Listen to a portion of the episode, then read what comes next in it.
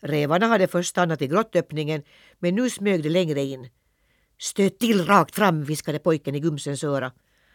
Storgumsen stötte och den första reven kastades hals över huvud ut ur grottan. Stöt åt vänster, ropade pojken och styrde Gumsens huvud åt rätt håll.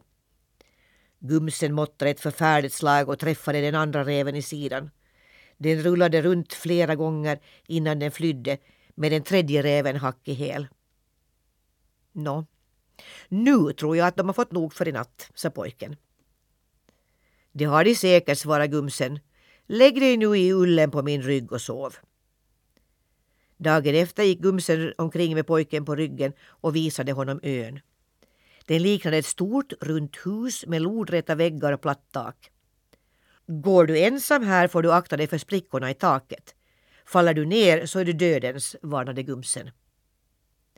Bergväggarna var alldeles fulla av fågelbon fast eh, just idag låg ejdrar och grisslor och tordmular ute på det solbelysta havet och fiskade strömming. Överallt på stranden syntes rester av rävarnas måltider. Det var riktiga illgärningsmän som rev ihjäl många fler djur än de behövde för att leva. Nils blev både förskräckt och ledsen och han hade gärna velat hjälpa fåren om han hade funnit på råd. Senare på dagen tog gåskarlen pojken på ryggen och vandrade ut på bergstaket. Han haltade och släpade en vinge i marken men ändå gick han där så sorglöst som om ingen fara fanns. Pojken låg och tittade upp mot den blå himlen och ingen av dem märkte att de tre rävarna hade kommit upp för berget. När rävarna såg att Mårten inte kunde lyfta kastade de sig på en gång mot gåskarlen. Den stackaren löpte undan så fort han kunde medan pojken retsamt hoade. Har ni ätit er så feta på fårkött att ni inte kan hinna upp en gås? Rävarna blev som galna av ilska och tog sats för det sista språnget. Men gåskalen rusade rätt mot den djupaste klyftan. Och där gjorde han ett slag med vingarna och kom över. Nu kan du stanna Mårten, sa pojken när gåskalen sprungit ett stycke på den andra sidan. Bakom sig hörde de vilda tjut och tunga fall men av revarna såg de ingenting mer. Den natten sov vildgässen ute på berget och pojken låg i det korta torra gräset. Månen var hel och rund och det var svårt att somna. Han räknade ut att det var påskafton. I natt kommer alla påskkärringar hem från Blåkulla, skrattade han för sig själv. Han var lite rädd för tomten men trollpackor trodde han inte det minsta på. Medan han låg där och funderade fick han se en svart fågel teckna sig mot månskivan. Och snart stod en ståtlig stork bredvid honom och frågade om han ville följa med på en flygtur i det vackra månskenet. De hade en gång träffats på Glimmingehus och Nils var glad att se honom igen. Nu for de iväg rätt mot månen men efter ett tag landade storken på en ödslig havsstrand med jämn fin sand. Han drog upp ena benet och sa Jag vilar mig lite här. Du kan se dig om så länge men gå inte för långt. Nils tänkte att han kunde gå upp på en sandkulle och se hur landet såg ut på andra sidan. Då stötte träskon mot något hårt och där låg en tunn ärggrön kopparslant i sanden. Men den var så nedsliten att han inte brydde sig om att ta upp den. När han sedan lyfte blicken igen blev han häpen.